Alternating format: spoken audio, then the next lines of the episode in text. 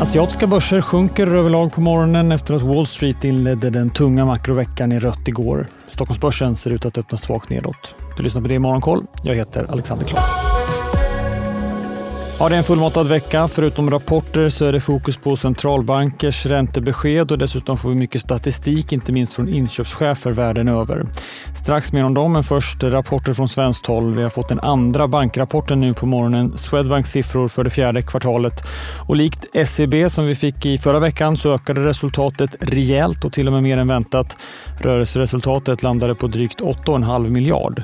Räntenettot på knappt 11 miljarder var nästan 15 procent bättre än väntat och utdelningen höjs också men bara till 9,75.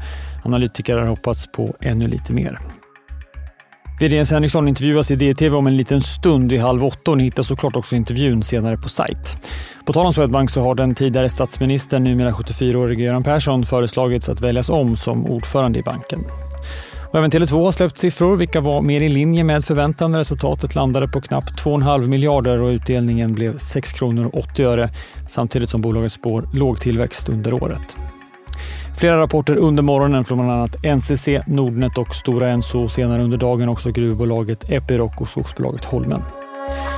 Så till Asien där det är nedåt på börserna. Hongkongbörsen backar allra mest, drygt 1% och i Fastlandskina är börserna ner kring en halv procent efter att vi fått något starkare PMI-utfall än väntat från landet. Industri-PMI visar återigen på tillväxt och landade på 50,1 och tjänstesektorn rusade till drygt 54 efter låga 41 senast. Och japansk statistik under natten har överlag överraskat Expressen gör varje vecka podden Politikrummet där vi djupdyker i det senaste och viktigaste inom svensk politik. Med mig, Filippa Rogvall, som programledare tillsammans med mina vassa kollegor. Och det är ju ni som heter Thomas Nordenskjöld, Anette Holmqvist och Viktor Bartkron. Politikrummet kommer med ett nytt avsnitt varje tisdag. Vi hörs.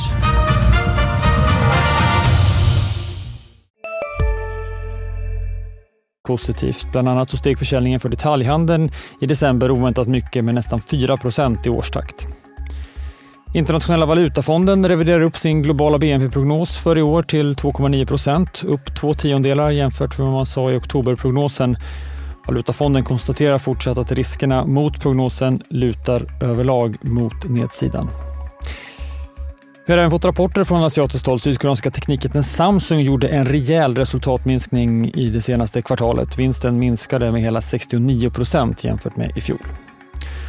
Och Wall Street backade som sagt igår. S&P 500 backade 1,3 procent medan Nasdaq tappade närmare 2 procent. Och teknikaktier hade det generellt tungt. Storbolag såsom Apple, Amazon och Microsoft backade alla kring 2 procent. Tesla föll över 5 procent och meme-stockaktien AMC rasade hela 10 procent.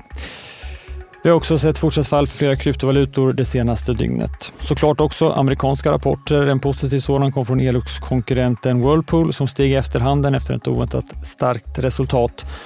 Och idag kommer Electrolux Professional med sin rapport och på torsdag först kommer Electrolux, ett Elux som redan vinstvarnat för det här kvartalet. Bland övriga svenska nyheter så har Atlas Copco gjort ett mindre förvärv och köpt en affärsverksamhet från det sydkoreanska börsbolaget Sövs och bostadssajten Hemnets storägare General Atlantic har sålt hela sitt innehav i bolaget, vilket var nästan 17 procent. Det sätter punkt för det i Morgonkoll. Missa inte vår rapportsändning under morgonen i DTV. Ålandsbankens Lars Söderfjell gästar tillsammans med DIs egna analytiker Ulf Pettersson. Så analyserar de tillsammans morgonens rapportskörd. Fler nyheter som vanligt på di.se. Jag heter Alexander Klar.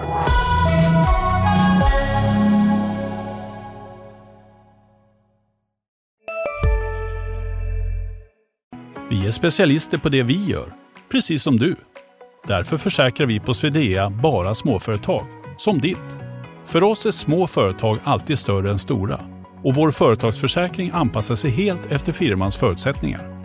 Gå in på swedea.se företag och jämför själv. Hej, Synoptik här. Hos oss får du hjälp med att ta hand om din ögonhälsa. Med vår synundersökning kan vi upptäcka både synförändringar och tecken på vanliga ögonsjukdomar. Boka tid på synoptik.se.